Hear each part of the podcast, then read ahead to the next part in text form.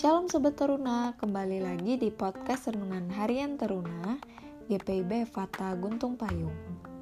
Hari ini kita akan kembali untuk merenungkan firman Tuhan yang terambil dari Markus 4 ayat 26 sampai 29 dengan tema Bertumbuh dalam Kristus. Namun sebelum itu Sobat Teruna boleh ya untuk berdoa terlebih dahulu dan membaca bacaan Alkitab hari ini. Sobat Teruna, pernahkah Sobat Teruna melihat benih? Benih merupakan cikal bakal dari sebuah tumbuhan, di mana benih tersebut akan tumbuh dan berproduksi. Contohnya seperti benih padi. Benih padi berbentuk bulir gabah. Ia dihasilkan dengan cara khusus dan bertujuan untuk disemai atau ditabur menjadi tanaman benih itu akhirnya akan tumbuh dan menghasilkan padi yang siap untuk dipanen. Sama seperti firman Tuhan yang kita baca hari ini, Tuhan Yesus mengajarkan perumpamaan tentang benih yang tumbuh. Tuhan Yesus berkata bahwa hal kerajaan surga itu seperti orang yang menabur benih di tanah. Kemudian ia pergi tidur dan bangun pada esok paginya dan ia tidur lagi di malamnya, lalu bangun keesokan harinya lagi.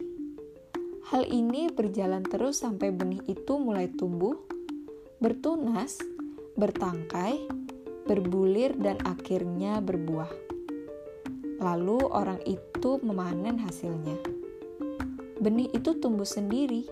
Si penabur tidak tahu bagaimana benih itu bertumbuh. Yang pasti, Benih itu dapat tumbuh karena ia tidak mati dan memiliki kehidupan yang dianugerahkan kepadanya. Lalu, tugas si penabur adalah menabur di musim tanam dan memanen di musim tuai. Itulah isi dari perumpamaan ini.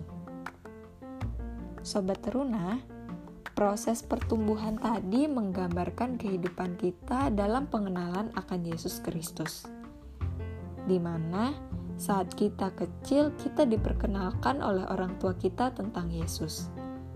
Kita juga diajak untuk beribadah PA. Setelah di PA, kita berproses dan masuk ke pelkat persekutuan teruna. Secara sadar tidak sadar, kita telah menerima firman Tuhan dalam kehidupan kita.